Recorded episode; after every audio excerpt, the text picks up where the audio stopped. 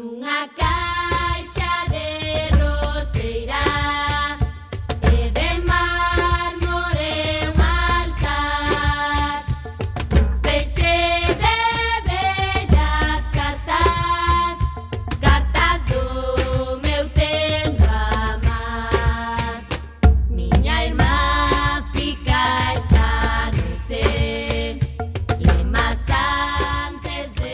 Moi boa tarde, benvidas e benvidos a este espazo radiofónico semanal dedicado á cultura que facemos en rigurosísimo directo todos os martes ás 7 da tarde aquí en Coac FM a 103.4 a Radio Comunitaria da Coruña.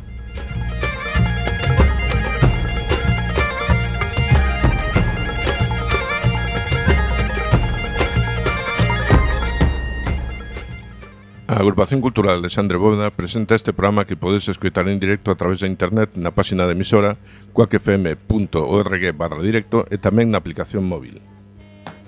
E se non chegastes a tempo, non tendes excusa, xa vos decimos sempre, porque pois porque podedes escoitar todos os programas xa emitidos no servicio de podcast da nosa emisora, o Radioco, Tamén podedes escoitalo na redifusión que será os mércores ás 8 da mañá, os venres ás 4 da tarde e na madrugada do domingo ao luns ás 12 da noite, por suposto en calquera aplicación de podcast que usedes. E a partir de agora seguirenos nas redes sociais, tanto deste programa Trascendo como da propia agrupación cultural de Sandra Bóveda, que teñen abertas as súas canles en Instagram, Twitter e Facebook ou na web www.acalexandrebóveda.gal.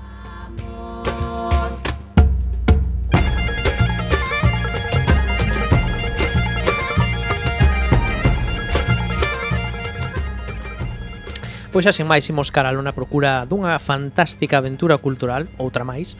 Eh, hoxe temos a Roberto Catoira no control técnico dos estudios da Zapateira e aquí falándolles coa Almanteira, Roberto Catoira e Miguel Anxo Facal.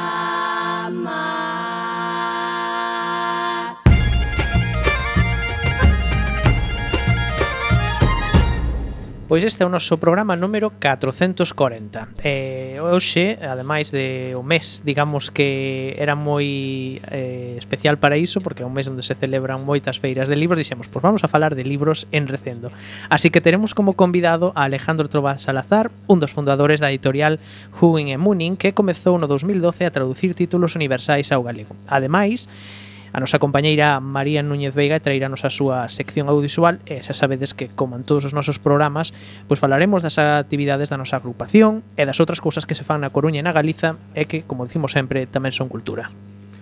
En canto á música de hoxe, esta semana celebrase no Monte do Gozo o Son do Camiño, que como sabedes é o festival menos galego dos que se celebran en Galicia. Pero ni sequera eles puderon evitar a presencia das fillas de Casandra, a sensación da tempada na nosa terra. Este mesmo ano presentaron Acrópole, o seu primeiro disco que reivindica o feminismo con metáforas da mitoloxía grega. Presentamos a pre primeira peza de hoxe, titulada Lisístrata, anda que popularmente xa é coñecida como Barra Basoira. Seguro que lembrades a súa historia, liderando unha folga de mulleres que conseguiu parar unha guerra. Mulleres de todas as polis do mundo. Nos, da voz de Lisístrata, ciframos en vos a nosa esperanza. esperanza. Porque hoxe,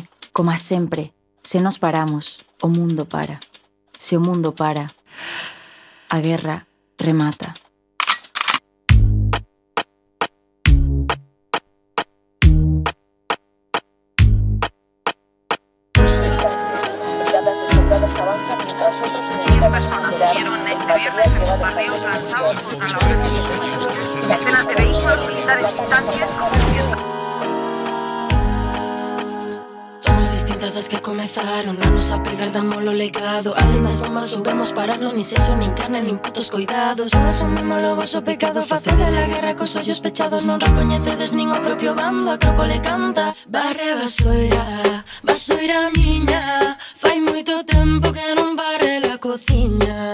Barre basoira, basoira miña. Fai moito tempo que non barre la cociña.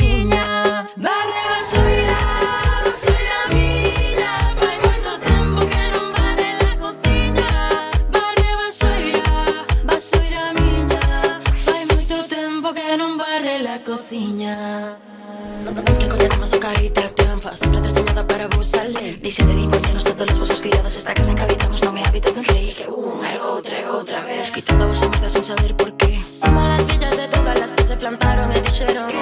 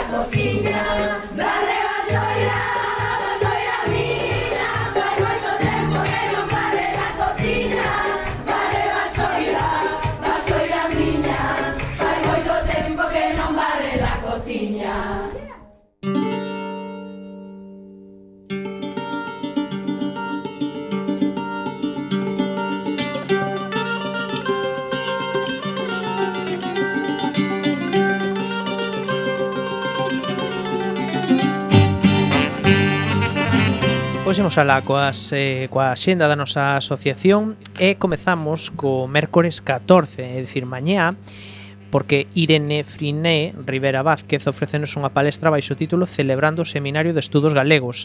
Emulación, Emancipación, Redención. Iría Friné Rivera Vázquez é historiadora da arte, membro do padrón da Fundación Luis Seoane a Coruña e da Fundación Vicente Risco. As persoas que asistan á palestra recibirán de agasallo a publicación de Irene Friné Rivera o Seminario de Estudos Galegos que igualmente pode descargarse en formato digital na nosa web. Será a sete media no noso local da Rúa Santo André 36 primeiro. Se vos gusta este tema, recordade que esta temporada tamén dedicamos un programa especial ao Seminario de Estudos Galegos. Hai un mes aproximadamente. O xoves 15 teremos connosco a Miguel Sande que nos presentará o seu poemario Brinde e Desespero acompañado pola música do cantautor César Morán.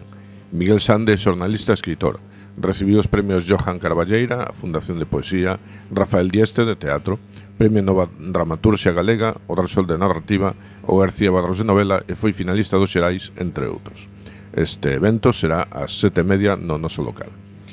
E o Benres 16 a Fundación Galiza Sempre en colaboración coa Mesa pola Normalización Lingüística organiza un acto para conmemorar 40 anos da aprobación por unanimidade da Lei de Normalización Lingüística de Galiza. Contaremos coas intervencións de Pilar García Negro, relatora do Plan Xeral de Normalización Lingüística en 2004 e exdeputada do Bloque e Marcos Maceira, presidente da Mesa pola Normalización Lingüística. Presenta e modera o acto Mercedes Queixas, deputada do Bloque Nacionalista Galego. Será ás sete media no noso local do primeiro andar que xa xa dixemos antes, está eh, na Rúa de Santo André. E rematamos a semana o luns 19, o vindeiro Luz 19. Remata o ciclo de conferencias Pensando o Futuro. Despois das palestras de Teresa Taboas, Mercedes Peón, Neves Brisaboa e David Rodríguez, o broche de ouro é a cargo de Carlos Taibo, que dará unha charla titulada Que é o, eco, o ecofascismo. Será sete media tamén no noso local.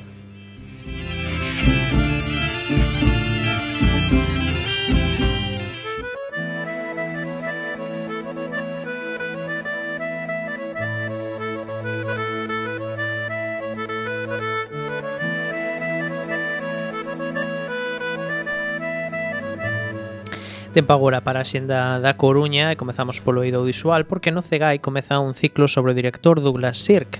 Oxe martes 13 ás 8 e media podedes eh, ver a película Non comeces nada en abril e o venres 16 ás 6 podedes ver A rapaza do páramo.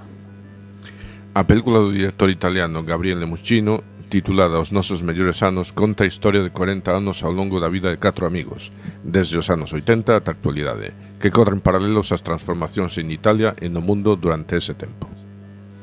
E unha das sensacións do ano pasado foi Holy Spider, unha película danesa pero ambientada no Irán de comezos do seco, deste século, na que se produce unha serie de feminicidios que as autoridades non teñen demasiadas ganas de investigar. Estas dúas películas poden verse dende o xoves 15 ao sábado 17 nos horarios habituais das salas de cine do Foro Metropolitano.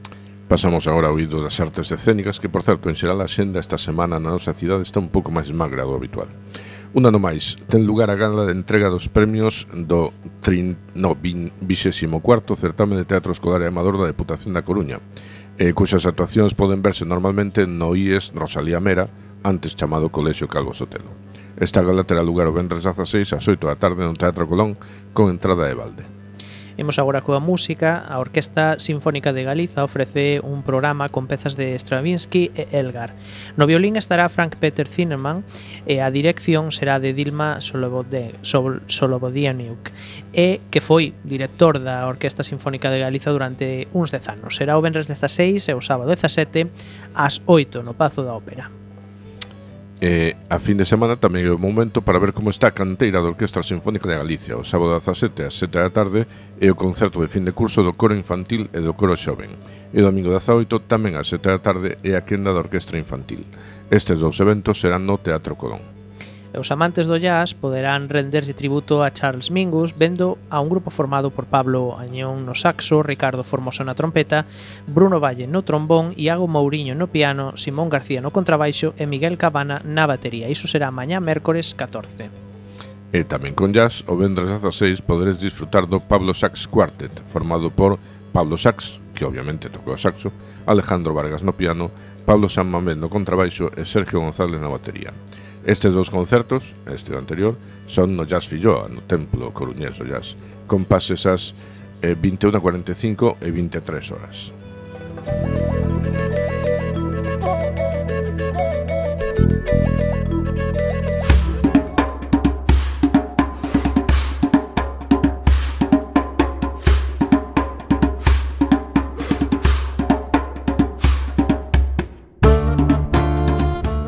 É tempo agora un martes máis para repasarmos a xenda da Galiza. Comezamos por Ferrol, onde a banda donostiarra Niña Coyote eta Chico Tornado formouse en 2011 na cidade californiana de San Francisco e levan xa máis dunha década de carreira fulgurante. Acheganse a Galiza para tocar na noite do Benres ao sábado sobre iso da medianoite na sala La Room.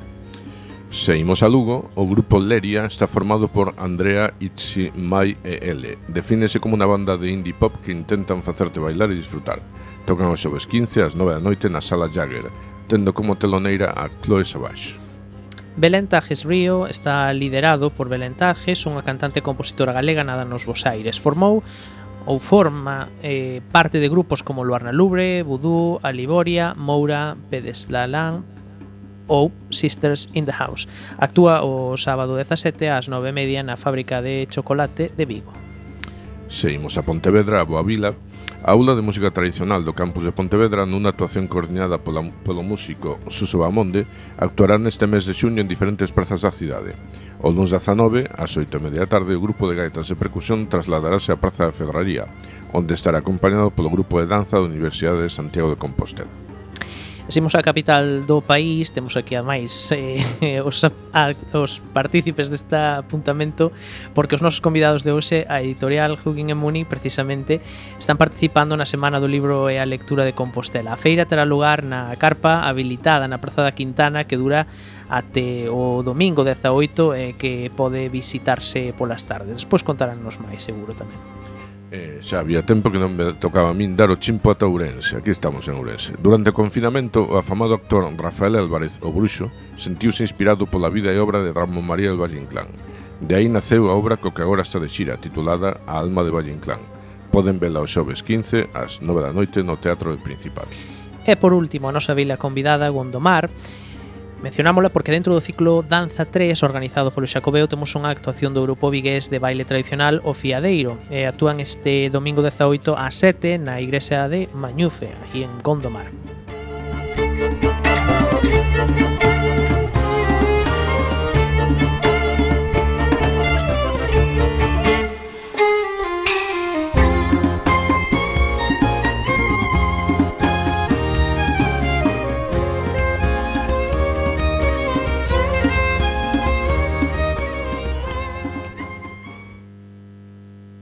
Son moitos os programas que temos dedicados á literatura en galego, mas xeralmente nos dedicamos a falar coas escritoras, poetas e ilustradores. Esta tarde imos falar de libros, pero imos falar de outras pezas importantes de calquera sistema literario. Estamos a falar das editoriais e dos editores. Os nosos convidados de hoxe son unha rara avis dentro da industria literaria galega, pois eles só se dedican á publicación de traducións de autores alleos á nosa terra. O seu proxecto bautizaron co curioso nome de Hugin e Munin, As particularidades de Hugin e Munin non rematan aí, pois o seu método de traballo afastase un pouco do que estamos acostumados. Hugin e Munin funciona case como un clube de lectura e o seu negocio susténtase sobre a base dos suscriptores. Os suscriptores de Hugin e Munin reciben un mínimo de oito libros ao ano, a razón de dous libros por cada trimestre. Entre os autores que podemos atopar en Hugin e Munin temos a Siri Husvedet, eh, Kabayashi, Mary Wollstonecraft, Isaac Asimov ou Iona Caristiani, por nomear uns poucos. Como vedes, hai variedade en canto a orixe e á época dos autores escollidos. Segundo Hugin e Munin, esta heteroxeneidade de autores tamén se reflicte nos xéneros literarios, pois segundo eles están interesados en calquera tipo de literatura e xénero, dende a novela negra ata a ficción, pasando tamén pola novela psicolóxica e realista. Segundo a editorial, o que sí que importa, eh, e, o seu criterio, guíanse só pola calidade da obra en cuestión. Hugin e Munin divide as súas publicacións en dúas coleccións. A primeira chamada principal está destinada aos suscriptores, mentras que a chamada Volvense os paxaros contra as escopetas inclúe obras que non se adaptan aos criterios fixados para os suscriptores. Seguen sendo obras de calidade, pero que debido á súa extensión, formato ou temática non encaixan na colección destinada aos suscriptores. Eso sí, os suscriptores que desexen facerse con algún dos libros da colección Volvense os paxaros contra as escopetas poden facelo a un prezo reducido grazas á súa condición de suscriptores. Os libros de Hugin e Munin podedes atopalos en máis de 30 librarías de toda Galiza, así que se vos só se vos tendes curiosidade por saber como nace unha editorial, como traballa unha editorial, como sobrevive unha editorial, o se vos o programa, imos falar de libros, para iso temos Connosco nos estudios da Zapateira eh, de, da, da Zapateira de Cuac FM a Alejandro Tobar, que nos veu visitar aquí a Coruña. Alejandro, boa tarde, grazas por vir. Moitas grazas a vos polo convite. Bueno, eh, para comezar, Alejandro, como xurde ou como vos aparece a idea esa pola cabeza de montar a vosa propia editorial? Porque víamos un oco, eh, Ben é certo que xa en 2005 aparecera Rinoceronte en Cangas do Morrazo e despois, por exemplo, estivo pois Urco, creo que 2007-2008, inda así que daba espazo para seguir cubrindo ocos de moitas cousas que non había en galego. Uh -huh. De maneira que en 2011 finais aparecemos con dous libros, un deles de Charles Bukowski, que foi o número un, e o segundo creo que fora Mark Twain, con O forasteiro misterioso. Uh -huh. Eh, e canto xente forma parte deste proxecto? Eh, moi boa pregunta. Somos internamente, como, como estrutura fixa, únicamente dúas persoas, a miña socia Isabel Soto e máis eu. Mais un terceiro que entra e sai que é Xavier Senín, un recoñecido traductor. De feito, é o único que ten o Premio Nacional de 2020 pola súa, polo conxunto da súa obra ao galego. Fora diso, facemos contratación externa, sobre todo das linguas que non son de poder, é dicir, o, o francés e o inglés non entrarían, inda que ás veces tamén. E así temos ata 34 tradutores cos cales traballamos ata o momento É dicir, que o grosso do noso gasto en comprar traducios, en encargar traducios. Hmm. Eh, acabas de dicir que tamén contratades xente para traducir de, de idiomas que non son, digamos, os, as linguas de poder, Sí, non? creo que agora mesmo temos ata 18 linguas e aí entra, mencionei o francés e o inglés que levan máis ou menos a metade do catálogo, agora temos uns 120 títulos, pero despois hai outras linguas que ou ben puntualmente ou ben non tanto, tamén están traídas. Penso no éuscaro, que temos 4 obras, ou penso no bretón, ou penso no aranés, que é unha variedade do occitano, ou tamén algunhas como o ruso, o sueco, o dinamarqués, mesmo o latín humanístico, e ah. así ata un total de 18.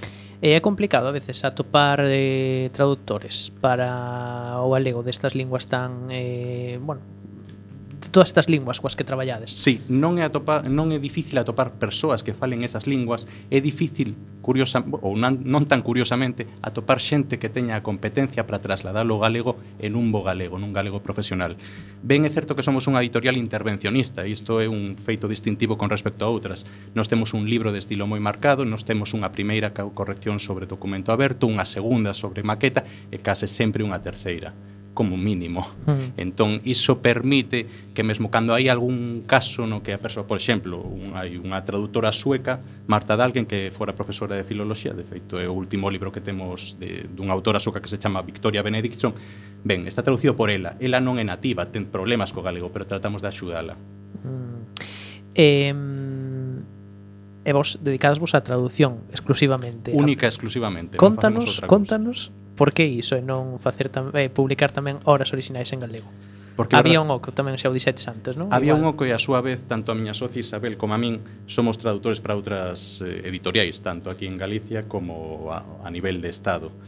Entón, por unha banda temos Hugging e Mooning, que nos vai ben, afortunadamente, de maneira modesta, con tiraxes pequenas, grazas sobre todo a eses suscriptores que, come, que dicíades hai un momento, máis ou menos son unha centen, un centenar deles, que permiten ter uns 11.000, entre 10.000 e 12.000 euros o ano, o cal permite a súa vez facer unha planificación a un ano e pico vista.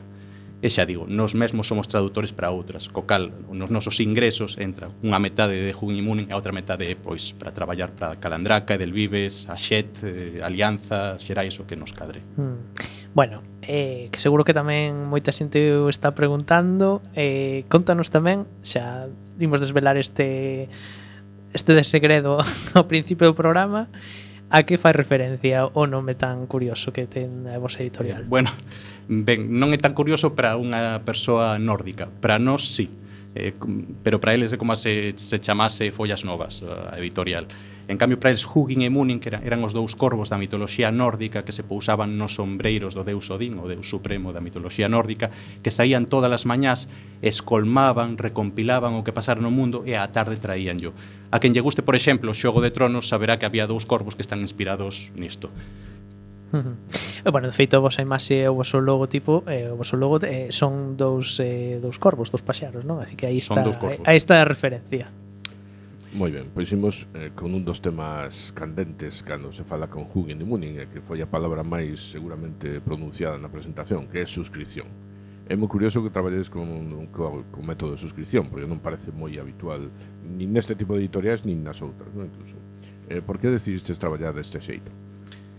para ter asegurada unha viabilidade económica e non depender das axudas da a traducción. As axudas connosco no noso catálogo dixen hai un momento que temos 118 títulos, hai agora mesmo dous en impresión, dous novos. Eh, o 90% deles non teñen ningún tipo de axuda. E mesmo outro 10% que si ten unha axuda, ten unha axuda a traducción para pagar unha parte da tarifa a, o traductor. E isto solamente se pode conseguir ou ben vendendo moitos libros, no caso do galego é tremendamente difícil, porque as tiraxes son de 500 para baixo, no caso da traducción, ou ben buscando unha fórmula alternativa. No noso caso, creo que demos na clave pulsando pulsando aí no, na suscripción, que non deixan de ser 116 euros o ano a estándar e a de 100 euros para quen ten menos de 30 anos. É dicir, é bastante asumible. Iso permite ter, eh, xa dixeches antes, oito libros ao ano, dous por trimestre. E a maiores tes a outra colección que que vai tamén por librerías. Fago aquí unha matización, non somente estamos en 30 librerías, estamos en calquera librería. Calquera librería que nos pregunte podemos mandarlle os libros. Ai, Eh, a saber onde sacaron esta información os compañeiros de, de Recendo. No, bueno, que hai información moi diversa e cada vez as, as canles de difusión son maiores e eh, distribución. Eh, bueno, e aparte decías... que tamén eh, despois daremos tamén máis datos, pero seguro que a xente tamén pode conseguir os vosos libros por internet e de calquera outra forma, claro, supoño. Claro, seguramente que esa información era correcta antes de estar actualizada. Probablemente ao principio comezáramos con 30 libre, 30 librerías. A día de hoxe, calquera que nos pida, pois pues esta mañá houbo dous pedidos de librerías. Uh -huh.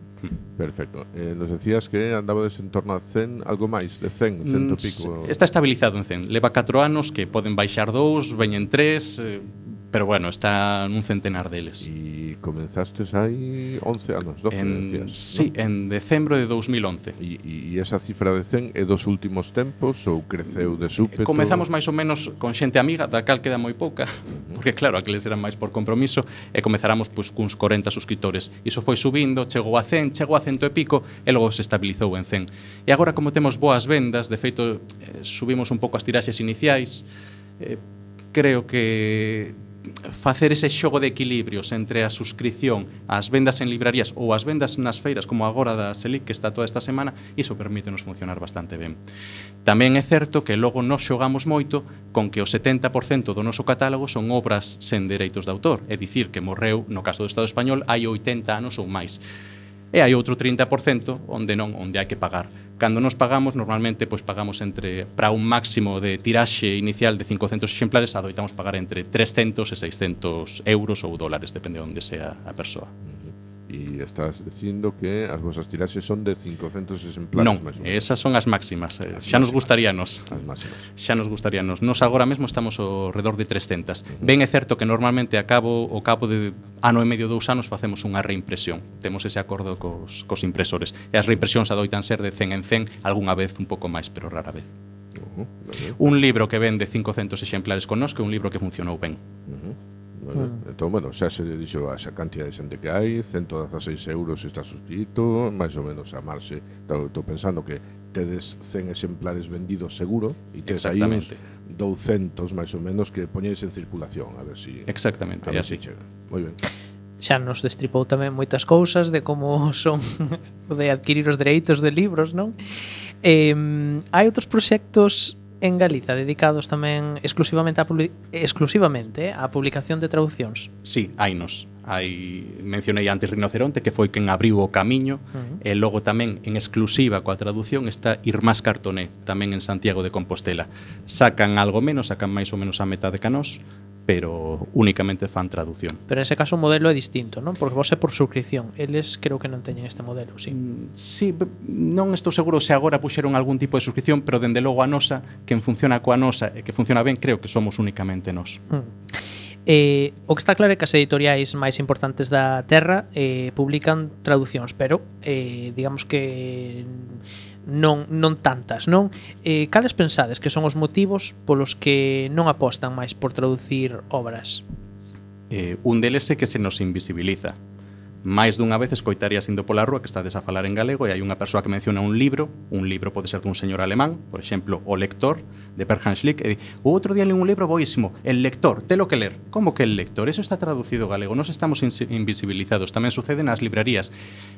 É verdade que hai unhas poucas librerías que si nos colocan, que si nos colocan claramente no estante. Estou pensando no noso, eu que son del que vivo ali en Santiago, pois temos a Couceiro, ou tamén Follas Novas fai unha boa distribución. Pero hai moitas outras que nos deixan moi atrás. En esas condicións é difícil traballar. Pasa un pouco como a convosco coas radios comunitarias e o resto de radios. Non é tan doado. Ese é un motivo seguro. Creo que deches aí un pouco na clave, non? Quero decir que ao final é, non sei se é como eh, o sea, un mercado... Traducción a español para que fai falta traducción a galego. Efectivamente, ese, sí. Ese no, o Inda así a traducción nos últimos dez anos de un chimpo enorme. Agora estamos nunha boa media de produción dentro de Galicia na produción xeral representa o 20%, co cal xa son uns números europeos, máis ou menos a metade sexa testemunhalmente ou con seis ou sete obras dos premios Nobel están traducidos, hai moita obra de interese, pois Paul Auster, que é unha persoa que vende moito, hai moita cousa traducida en, en Galaxia, estamos traballando moitos nese eido. E agora os profesión De feito, aquí estamos na Coruña, bueno, en Vigo, que está a Facultade de Traducción e Interpretación, antigamente non había traductores profesionais, a día de hoxe hai, e prácticamente de todas as linguas. Xa digo, ás veces é moi complexo, Pero por outra banda temos outra outra cosa que nos axuda e é que nos podemos dar máis tempo que, por exemplo, o que me dan a min en Edelvives. A min cando me encargan un libro pro castelán, dame mes, mes e medio. Cando nos encargamos un libro pro galego, normalmente tratamos de dar mesmo un ano para facer a traducción co cal, iso, se hai unha boa planificación, mesmo do galego de, debería sair mellor. Hmm. Pero mencionaches antes eh, o custo, por exemplo, de adquirir os dereitos de obras, non? Dixetes que se traballades o 70% son obras que xa, digamos que aquí no Estado español xa están libres de dereitos, non? Mm pero eh, de algunhas tamén adquirides os dereitos. Eh, en calquera caso, eh, é maior o custo de publicar eh, unha traducción que un libro original? Igual non tamén non me refiro só ao custo económico, senón tamén influen outras cousas, non? Sí, eh, aí entra, como en todo, a sociolingüística e os, e os prexuizos. Aí entran os prexuizos de non, non comprar traducións ao galego, cousa que é unha loucura. E máxime hoxe, cando están ben feitas. A día de hoxe hai unhas traduccións excelentes eh, non sei se che podo responder moito máis, pero creo que vai por aí a cousa. Con, e logo, con respecto á literatura galega nacional, a autóctona nosa, pois claro, aí hai unhas redes máis sinxelas, hai xente que coñece, hai unha maneira de facer. Eu non podo traer un morto facer unha presentación. Ah. É así de simple, un señor que está morto hai 80 anos non me pode vir. Ou asinar libros na unha feira claro, do libro. Claro, non, tenta, non tenta ta, nin ten familia aquí, polo xeral pero os que somos da, os que son daqui, os autores daqui, eles sí. Eh, bueno, hai outras redes, e xa entran tamén nunhas redes de distribución máis grandes, que son as de Galaxia, que son as de Xerais e outras editoriais. É un ambiente distinto. Ben, eh, Pasan uns 30 minutos de programa eh, eu creo que podemos eh, facer unha pausiña nesta conversa con Alejandro Tobar de Hugging e Mooning eh, porque temos a xenda eh, perdón, temos a sección audiovisual que nos trae a nosa compañeira María Núñez. Escoitamos a sintonía. Música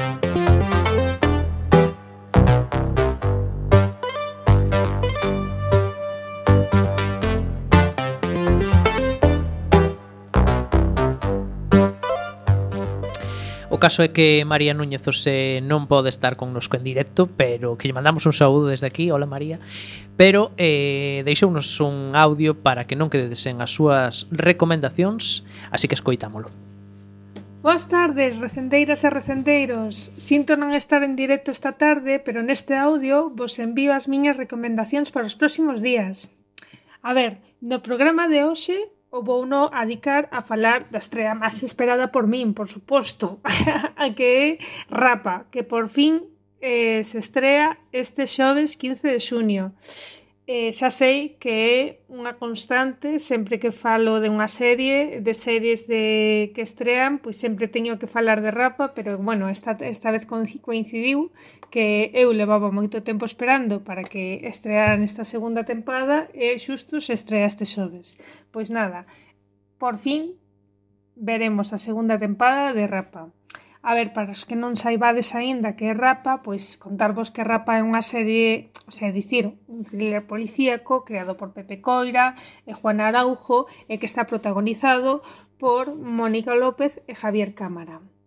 Eh, a serie na primeira tempada, eh, tanto Mónica como Javier pois interpretaban a Maite e Tomás que eran unha inspectora e un profesor que uníanse para investigar quen asesinara a Amparo Seoane, que era a alcaldesa da localidade galega de Cedeira, que era unha muller con moito poder que pois apareceu morta, non?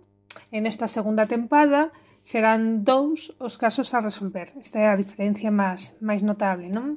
Mónica adentrarase no hermético estricto mundo militar do Arsenal de Ferrol, que se non o visitachedes Volo recomendo, que hai visitas eh, visitas guiadas durante o verán, e, por outra banda, Tomás eh, empeñarase en resolver un caso de asesinato que está a piques de prescribir eh, despois de 20 anos, non?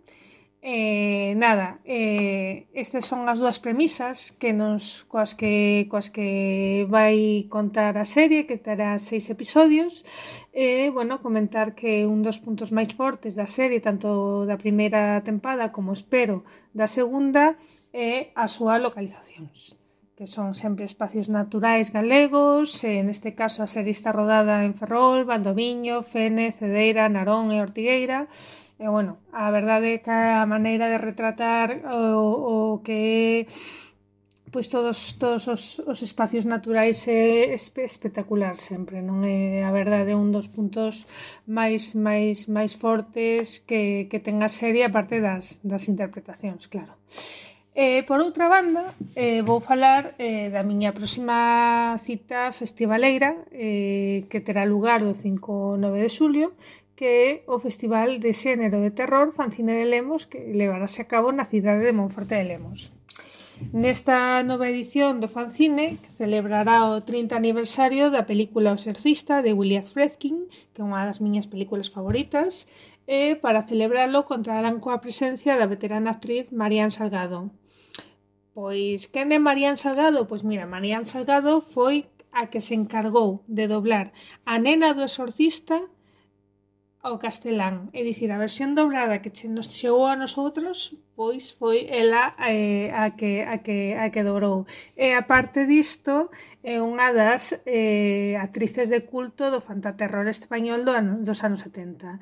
E de feito, sae eh, pois en películas como A endemoniada, do director galego Amando Dosorio, Osorio, que é unha das películas que tamén se poderán ver no festival, tamén no Extraño amor de dos vampiros de, de León Klimoski ou, sobre todo, e polo cal máis recordada, é unha das nenas asasinas en Quien pode matar a un niño de Chicho Ibañez en El Serrador. Eh, por outra banda, outros títulos importantes que se, que se proxectarán durante o festival ou que se poderán volver durante, durante o festival serán O Corpo Alberto, de Ángeles Huerta, Unicorn Worms, de eh, Unicorn Wars de Alberto Vázquez eh, que pois eh, eu recomendo que vos acerquedes porque a, ver, a verdade é que, é que penso que a programación é moi interesante aparte vai ter unha sección de cortos que vai contar con un montón de cortos de toda a península eh, ibérica e, bueno, eh, poderedes ver un, un montón de actividades. Eh, recom recomendo vos consultar a web da, do festival. Ben, e por agora iso é todo. Desexamos unhas boas vacacións e, e nada, vémonos na seguinte tempada. Ata logo! Eh. Pois eh, moitas grazas a María polas súas recomendacións Antes de nada eh, Claro, a temporada recente está terminando Escoitarémola para que ven, supoño Efectivamente xa creo que esta vez non, non que quedan non vai poder ser. Está claro que este ano 23 hai efemérides para todos os gustos, eh? os 50 anos do exorcista levamos eh, semanas falando de Murguía, seminarios de Estudos Galegos e tal. Bueno, o exorcista non é moi galego, pero bueno, nos, nos influiu a todos en maior ou menor medida. Seguimos entón falando de Hugin e Mundin, Quack FM, Resendo, martes 103.4 da Coruña, de FM da Coruña, martes pola tarde. Eh, Alejandro, cales son os criterios que para decidir que libros des traducir para Hugin e Muñiz? Tratamos de que sexan autores ou autoras de primeiro nivel no seu contexto. É dicir, por exemplo, trouxemos a Isaac Asimov ou que mencionastes antes ou a Thomas Hardy da literatura inglesa, tamén a Mary Wollstonecraft cando un pensa no primeiro feminismo. E dentro de desas da obra completa que tenes cada autor, tratamos de buscar unha primeira espada. Tratamos de que sexa o libro ou ben máis completo ou máis asumible por nós, porque ás veces cando é demasiado extenso é inviable económicamente pero buscamos un equilibrio. E logo tamén de maneira interna o que si tratamos de facer cos suscriptores é compensar. Se metemos un libro tremendamente difícil, como A contrafío de Joris Carl Huismas, inda que sexa caralludo e moi divertido, o lado tratamos de poñer un cunha extensión menor e que sexa máis fluido.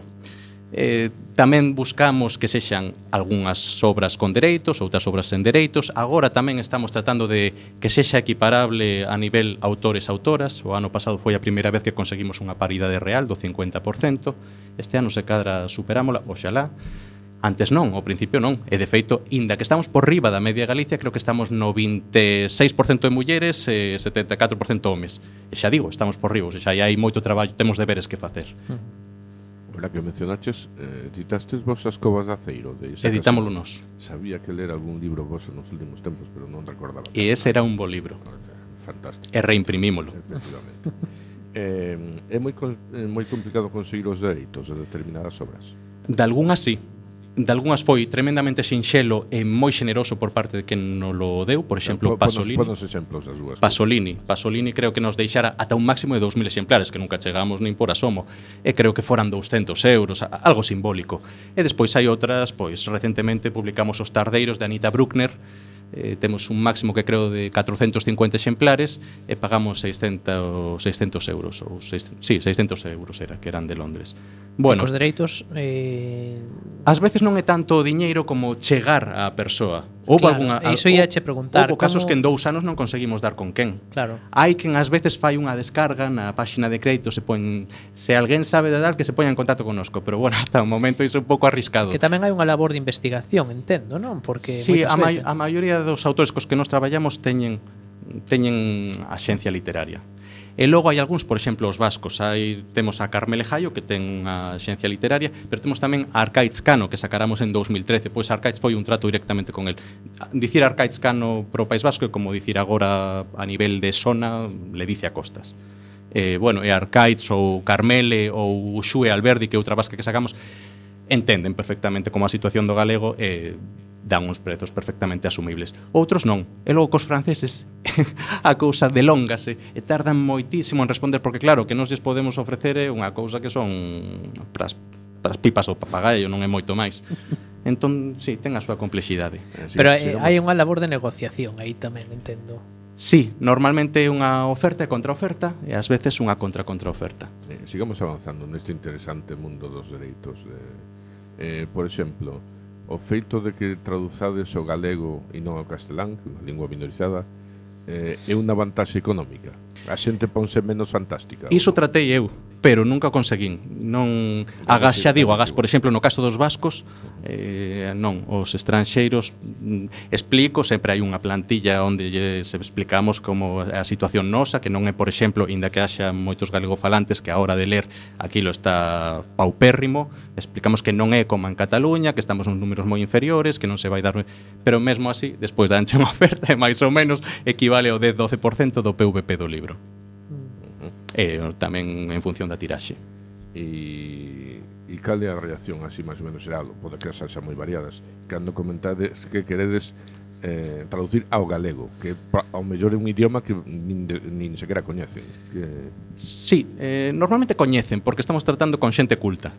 Eh, e logo as reaccións son diversas, pero hai algunha xente que, que realmente que, que o ven como algo fenomenal, algo estupendo. Penso en Siri Husbeth, unha autora norteamericana, un referente do feminismo contemporáneo de agora, que, bueno, estaba encantada de que a traducísemos ao galego. Bueno, de feito, o seu libro funcionou moi ben e houve que reimprimir dúas veces. Ou penso en Isabel Alonso, que é unha autora francesa que vive en París, é filla de exiliados da República, bueno, cando o golpe de Estado, eh, filla duns valencianos, e, bueno, para ela era case unha cuestión emotiva poder estar nunha lingua do Estado español eh, bueno, si hai reaccións diversas. Logo hai outros que aquí lo vai por axencia claro. e non lles interesa, pois cando tratamos con Wiley Agency ali en, pois, o longo adeus de, de Raymond Chandler bueno, les pídenche 600, 700 dólares ou euros, eh, das ou non das, non hai moito máis que negociar, entón se queres sacar o libro pagas e, e logo cumpres dando as liquidacións e ao cabo de 5 anos aquilo acaba. Hai un momento que as cousas caducan porque moitas veces a xente pensa que ti compras o libro e iso vai ad eternum vendéndose. Non, nos normalmente ao cabo de 5, 6 ou como moitos 7 anos temos que descatalogar, descatalogar o libro, a menos que funcione moi ben, entón fagamos unha continuación ou unha adenda de contrato. Vale, vale. Ves, estes detalles son super interesantes. Que se aprenden recendo, que se aprenden. Recendo. Eh, son super interesantes. E ademais tendes a colección Volvense os pasearos contra as escopetas, que naceu ao mesmo tempo que a colección principal, non? Por que creachedes outra colección principal? O sea, outra colección distinta á principal, vaya porque hai moitos libros interesantes que, por exemplo, teñen unha lonxitude inferior e que non caberían para entregala a un, a un suscriptor. Pois. Pero aí hai vos libros. Aí hai libros de Wilkie Collins, ou hai libros de Guy de Maupassant, ou hai un libro que unha novela erótica eh, de Mar, non sei, Marquesa de non sei canto, non recordo. E hai libros raros pero precisamente porque son tan raros, ás veces non convén metelos nun sistema principal e dalos aos suscriptores, que a súa vez, como están pagando precisamente eses euros, máis ou menos pagan a razón de 14,50 por libro. Entón non lle podo meter un libro de 60, 60 páxinas, terá que ser. Si que nesta colección hai como pequenas xoias. Hai pequenas xoias. Ben é certo que agora estamos para reformulala, eh, porque funciona moito peor que a principal. A nivel de vendas é a metade. Vaya, xusto iba a preguntar se estes os libros desta colección tiñan boa acollida, entón eh, menor acollida. A metade sí, a ah, metade, a metade non, vaya. pero venden a metade ca colección principal. Tamén é certo que non están dados de antemán os 100 primeiros, hai uh -huh. que vendelos nas, nas librarías. Uh -huh. Eh, tens alguna maneira de saber se os suscriptores disfrutaron das obras recibidas? Hai algún mecanismo de feedback ou algo así? Pero claro, esperar a que bueno, se siguen pagando, debe ser que están máis ou menos contentos. Supoño que teres un Sí, de, un fío de non todos, máis. cada quen eh, cada quen, pero sí que recibimos de vez en cando algúns correos eh, mesmo hai suscriptores que entraron a pos, entraron nos últimos 4 anos, nos últimos 6 anos e queren libros de inicio, entón escriben pero que lles gustou moito, tamén queren ter os do comezo, entón van pouco a pouco completando a, a colección E logo es, os que non lles gusta supoño que son os que xa deixaron de ser suscriptores, deses non teño moito máis información. Non, pero me parece moi curioso que dixeches antes e que me parece moi interesante para a sostibilidade deste tipo de proxectos que comezaron os colegas hmm. Os colegas xa se foron e agora o, o sistema é estable e os que están agora non son colegas, son claro. xente que chegou aí e hmm. que lle gusta a oferta, o sea, que é moi Eu podo coñecer persoalmente 10 deses 100 O resto non os coñezo. E maioritariamente son mulleres agora. Empezar a case todo homes, pois seguramente porque quen eu máis coñeciera xente, pois varóns, a día de hoxe son maioritariamente mulleres. E tamén sabemos polos clubs de lectura e polas librarías que quen compra os nosos libros son de maneira moi clara, sobre todo as mulleres. Non quere iso dicir que os libros sexan para mulleres e para todo o mundo, pero a realidade é que len máis. É mellor. Eh, cales crees que foron os títulos que tiveron máis éxito? Supoño que aí o indicador principal é o número de ventas, supoño. Sí, o número de vendas, o número de boca a orella, o número de críticas que aparecen, un pouco todo. Pero houve un primeiro título, o número 11, que deu de ser 2013 mediados, que foi A asasina, de Alexandros Papadiamandis, un señor que naceu no século XIX, que escribiu o comezo do século XX un libro que é absolutamente eh, vixente co mundo actual e que ten un toque feminista ben interesante, un pouco sórdido, pero feminista. E ese foi un primeiro cambio que conseguimos eh, reimprimilo creo que catro veces. E logo o seguinte fito creo que sería A Contrafío de Joris Karl Huismans que mencionei hai un momentiño que foi eh, a Biblia do decadentismo, un libro rarísimo, rarísimo pero para algúns excepcional. E logo funcionou nos tremendamente ben, antes falei tamén dos dereitos de Siri Husbet ou de Oberansen homes ese tamén funcionou tremendamente ben. Mencionaches ti aí un pouco as covas de aceiro, creo que dos 7, 8 ou se cadra xa 10 libros de ciencia ficción que temos, o de as covas de aceiro é dos que mellor funcionou conxuntamente con outro Arthur C. Clarke de Cita con Rama, que tamén houve que reimprimir no seu momento. Hai outros que incomprensiblemente non funcionan, por, por tamén poñer ao outro lado. H.G. Wells con Nosco non funcionou eh, Xulio Verne connosco pois non funcionou, están na primeira tiraxe non damos esgotados 250 que sacáramos daquela eh, Cando falaches dese que houve que reimprimir catro veces ao final cantos exemplares acabastes vendendo aproximadamente? Pois eh, podemos vender uns 600 de cada un deles hmm hai algún que menos, hai algún se cadra que máis, pero xa digo, a media de vendas, hai uns libros que compensan os outros connosco. Sabemos que mesmo sabemos ás veces de antemán que o libro non vai funcionar de ningunha das maneiras, pero poñémolo ao lado do outro que queremos que sí. E cando un consegue vender 500 e outro conseguiu vender os 200, iso fantástico, non pasa nada, a media está en 300 e pico. Eh, comentaches algo que, parecido á dinámica esta que falamos dos novos eh, suscriptores que queren o anterior. Eh, se non estamos suscritos podemos conseguir os títulos da colección principal? En calquera lugar. En calquera lugar. De feito, nos traballamos de maneira un pouco singular tamén aí coas librarías, damos unhas porcentaxes de desconto moi altas, entre o 30 e o 50%, o que si pedimos é que nos compren en firme Entón, o que sucede moito é que hai xente que vai e xa nos chega no pedido. Pedido de encargo de encargo do usuario. Eh, a libraría xa ten vendido. Pero iso cheganos todas as semanas. E logo en Santiago de Compostela, a área de influencia, aí sí deixamos en depósito pero non fora, porque con tiraxes tan pequenas senón quedaríamos fora do sistema. Bueno, estamos aquí falando, mencionando títulos de libros, quedanos xa pouco deste programa, como se nos vai o tempo falando de cando estamos a gusto, non? Esperado ao final do programa, porque despois Alejandro vai nos recomendar aí un par de títulos, así que quedades aí con ese cebo. Pero falando tamén de libros, eh, vamos falar de prezo do libro, porque hai moita xente que se queixa do prezo do libro novo. Eu hai pouco vin, non sei se foi en Twitter, unha imaxe que comparaban pois o prezo de libro, o prezo dos libros, o que custa comprar libros, por exemplo, en Centro Europa, o que custa compralos aquí, non? Eh, vos estades, non sei o que tiña de certo iso, eh, pero vos estades de acordo con que aquí o libro novo é moi caro no estado? Eh, no es, non, para nada, eu para nada. E concretamente no libro galego que é o que a min me toca, no noso caso estamos un punto por baixo do que é o, o prezo real do libro clarísimamente. E xa non me meto a este asunto de que subiron, pois todo, subiu o transporte, subiu o papel, subiu absolutamente todo. A min un libro A educación sentimental de Flaubert, creo que pagáramos 3,18 ou 3,28 hai dous anos. Ben, un libro máis pequeno, ben é certo que tiña 500 e pico páxinas, un libro máis pequeno un ano despois custou unos 4 e pico, ou seja, subiu de 3 a 4 euros. Iso non é verdade, ademais hai que pagar a traducción. Hai que pagar a traducción. Co cal, eh, se un libro está a 13, 14, 15, 16 euros parece totalmente lóxico cando estamos a falar de 200, 180, 250, 300 páxinas. Non entendo, eu creo que eso somente pode dicilo alguén dende a máis absoluta das ignorancias. O libro galego e o libro concretamente do libro traducido galego está nun prezo perfectamente xusto igual a xente tamén o compara con este tipo de, digamos, bestsellers, non? Que moitas veces andan sobre os 30 euros ou así, non Claro, sei. pero o bestseller igual sacou, bueno, eu mesmo que traballo para antes comentei e del Vives ou outras, eh, se sacan 12.000 exemplares de inicio, claro que a eles lles custa 0.38 ou 0.48 e poden poñer un prezo así. Se a mí me custa 4, iso non o podo facer.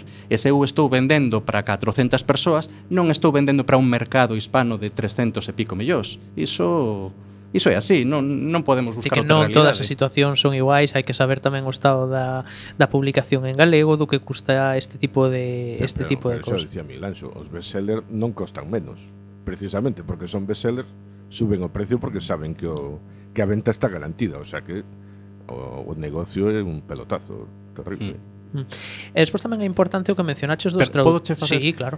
Eh, a min sempre me tidas moitos datos. Normalmente si sí, ás veces en barullo me, comentar e ás veces este, me esturo, quitando... pero eh, nos, o sea, eu son mileurista por por Hugging e Mooning. Xa digo, ah, logo teño outro traballo de traducir moito, moito, moito, moito para outras, pero eu son mileurista e traballo de sol a sol. O libro creo que está xusto, creo que está mm. xusto. Sí, sí, non era unha crítica, eh? Va, non entendo, que, entendo, pero bueno, eh, matizo aí. Eh, efectivamente. No, e aparte que Alejandro está nos dando un montón de datos e de do que do que custa sacar estes proxectos adiante, non Alejandro. Eh, e ademais hai que ter en conta o que dicías antes, o traballo dos traductores. Eh, canto, non sei se nos podes dicir, máis ou menos, un traductor, canto pode gañar por este tipo de traballos? eh, como influen aí o tema de dereitos? Non sei se os traductores tamén teñen algún tipo de dereito sobre a traducción. Como vai este asunto? Eh, hai certas diferenzas entre o mercado estatal entre o mercado en castelán e o mercado en galego. Eu, por exemplo, na miña condición de traductor en función de quen me encargue eh, cobro unha cousa ou outra. Eu cobro entre os 8,5 euros e os 21 euros por páxina de 2.000 caracteres. Ou seja, a variación é enorme, máis do dobre. O habitual cando traballo pro mercado en castelán son 14,5 euros por cada 2.100 caracteres. Cando traballo pro galego, normalmente cobro 10 euros por cada 2.000 caracteres, 2.100 caracteres. Mm. Iso varía moitísimo, iso varía en función do número de exemplares que sacan. E logo preguntábasme tamén polos dereitos de autor. Os dereitos de autor debería de habelos, pero nun mercado tan ínfimo como o galego é prácticamente imposible que un chegue a cobrar dereitos. Pero bueno, iso tamén pasa fora. Por exemplo, a miña compañeira Maiseu e tamén Xavier Senim traducimos os Asterix. Nos nos Asterix, tanto o castelán como o galego, non temos dereitos como tradutores. En Francia, por exemplo, é obrigatorio por lei entregar dereitos aos tradutores. Mm. Bueno, eh, estamos rematando o programa de hoxe. Non sei se Roberto quer apuntar unha cousiña máis. Se non sei, preguntamos a Alejandro que nos diga esas, Ese par de obras que nos Que nos recomenda. Hai un par de obras de Huggin e Munin eh, Bueno, pois eu pensei agora así rapidamente en coller... Porque o pillamos aquí sí, foi unha cosa... Pero bueno, a verdade é que todos os que publico máis ou menos gustanme E hai un de literatura negra, de novela negra, real, porque agora parece que todo é un pai da novela negra, eh, Dashiell Hammett, Colleita Vermella, onde palman ah, todos, morren absolutamente todos, de feito ten un récord de mortos no propio libro. Sí, sí, sí. E son spoilers xa, ou que mm, unha especie de spoiler, eh? No? Pouquiño, porque como veredes, e logo a traducción está feita por un escritor que tamén é unha cousa interesante por Diego Ameixeiras que el é un dos referentes aquí en Galicia da novela negra. Non se iso tratámoslo de facer en varios libros. Tamén hai pouco un libro de Thomas Wolfe, O neno perdido, que ten un pouso lírico moi importante, encargamos yo a un editor de Del Vives que galego, de Vigo, eh, Ignacio Chao. Entón, isto de que a xente que estea de alguna maneira ligada ao mundo do libro e teña un, teña un fío lector aí atrás, normalmente funcionan ben na traducción. E isto creo que é evidente no caso de Colleita Vermella de Dashiell Hammett, traducida por Diego Ameixeiras. Pois aí quedan esas dúas recomendacións. E agora sí, dúas últimas preguntas. Como pode a nosa audiencia, como podemos facernos suscriptores de Hugging e Mooning?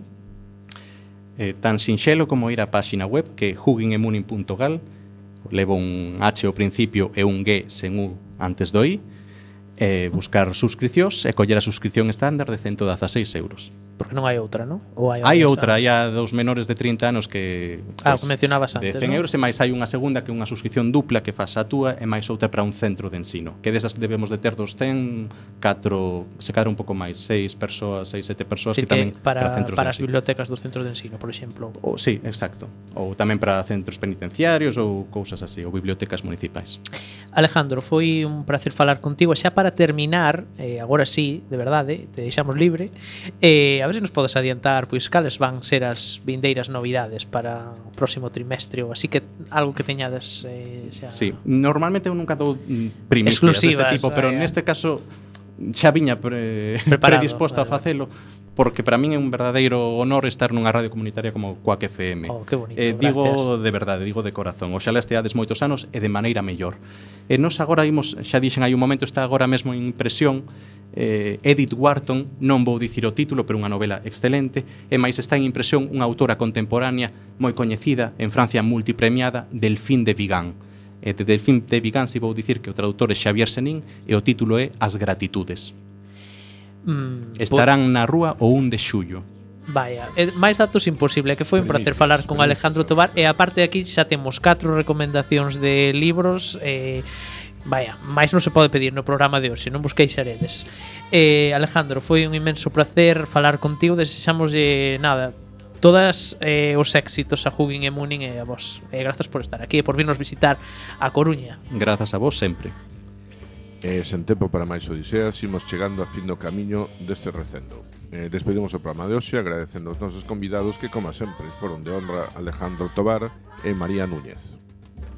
E aquí estivemos eh, Roberto Catoira nos controis técnicos do José Couso e eh, coalento no micrófono tamén Roberto Catoira e Miguel Anxo Facal.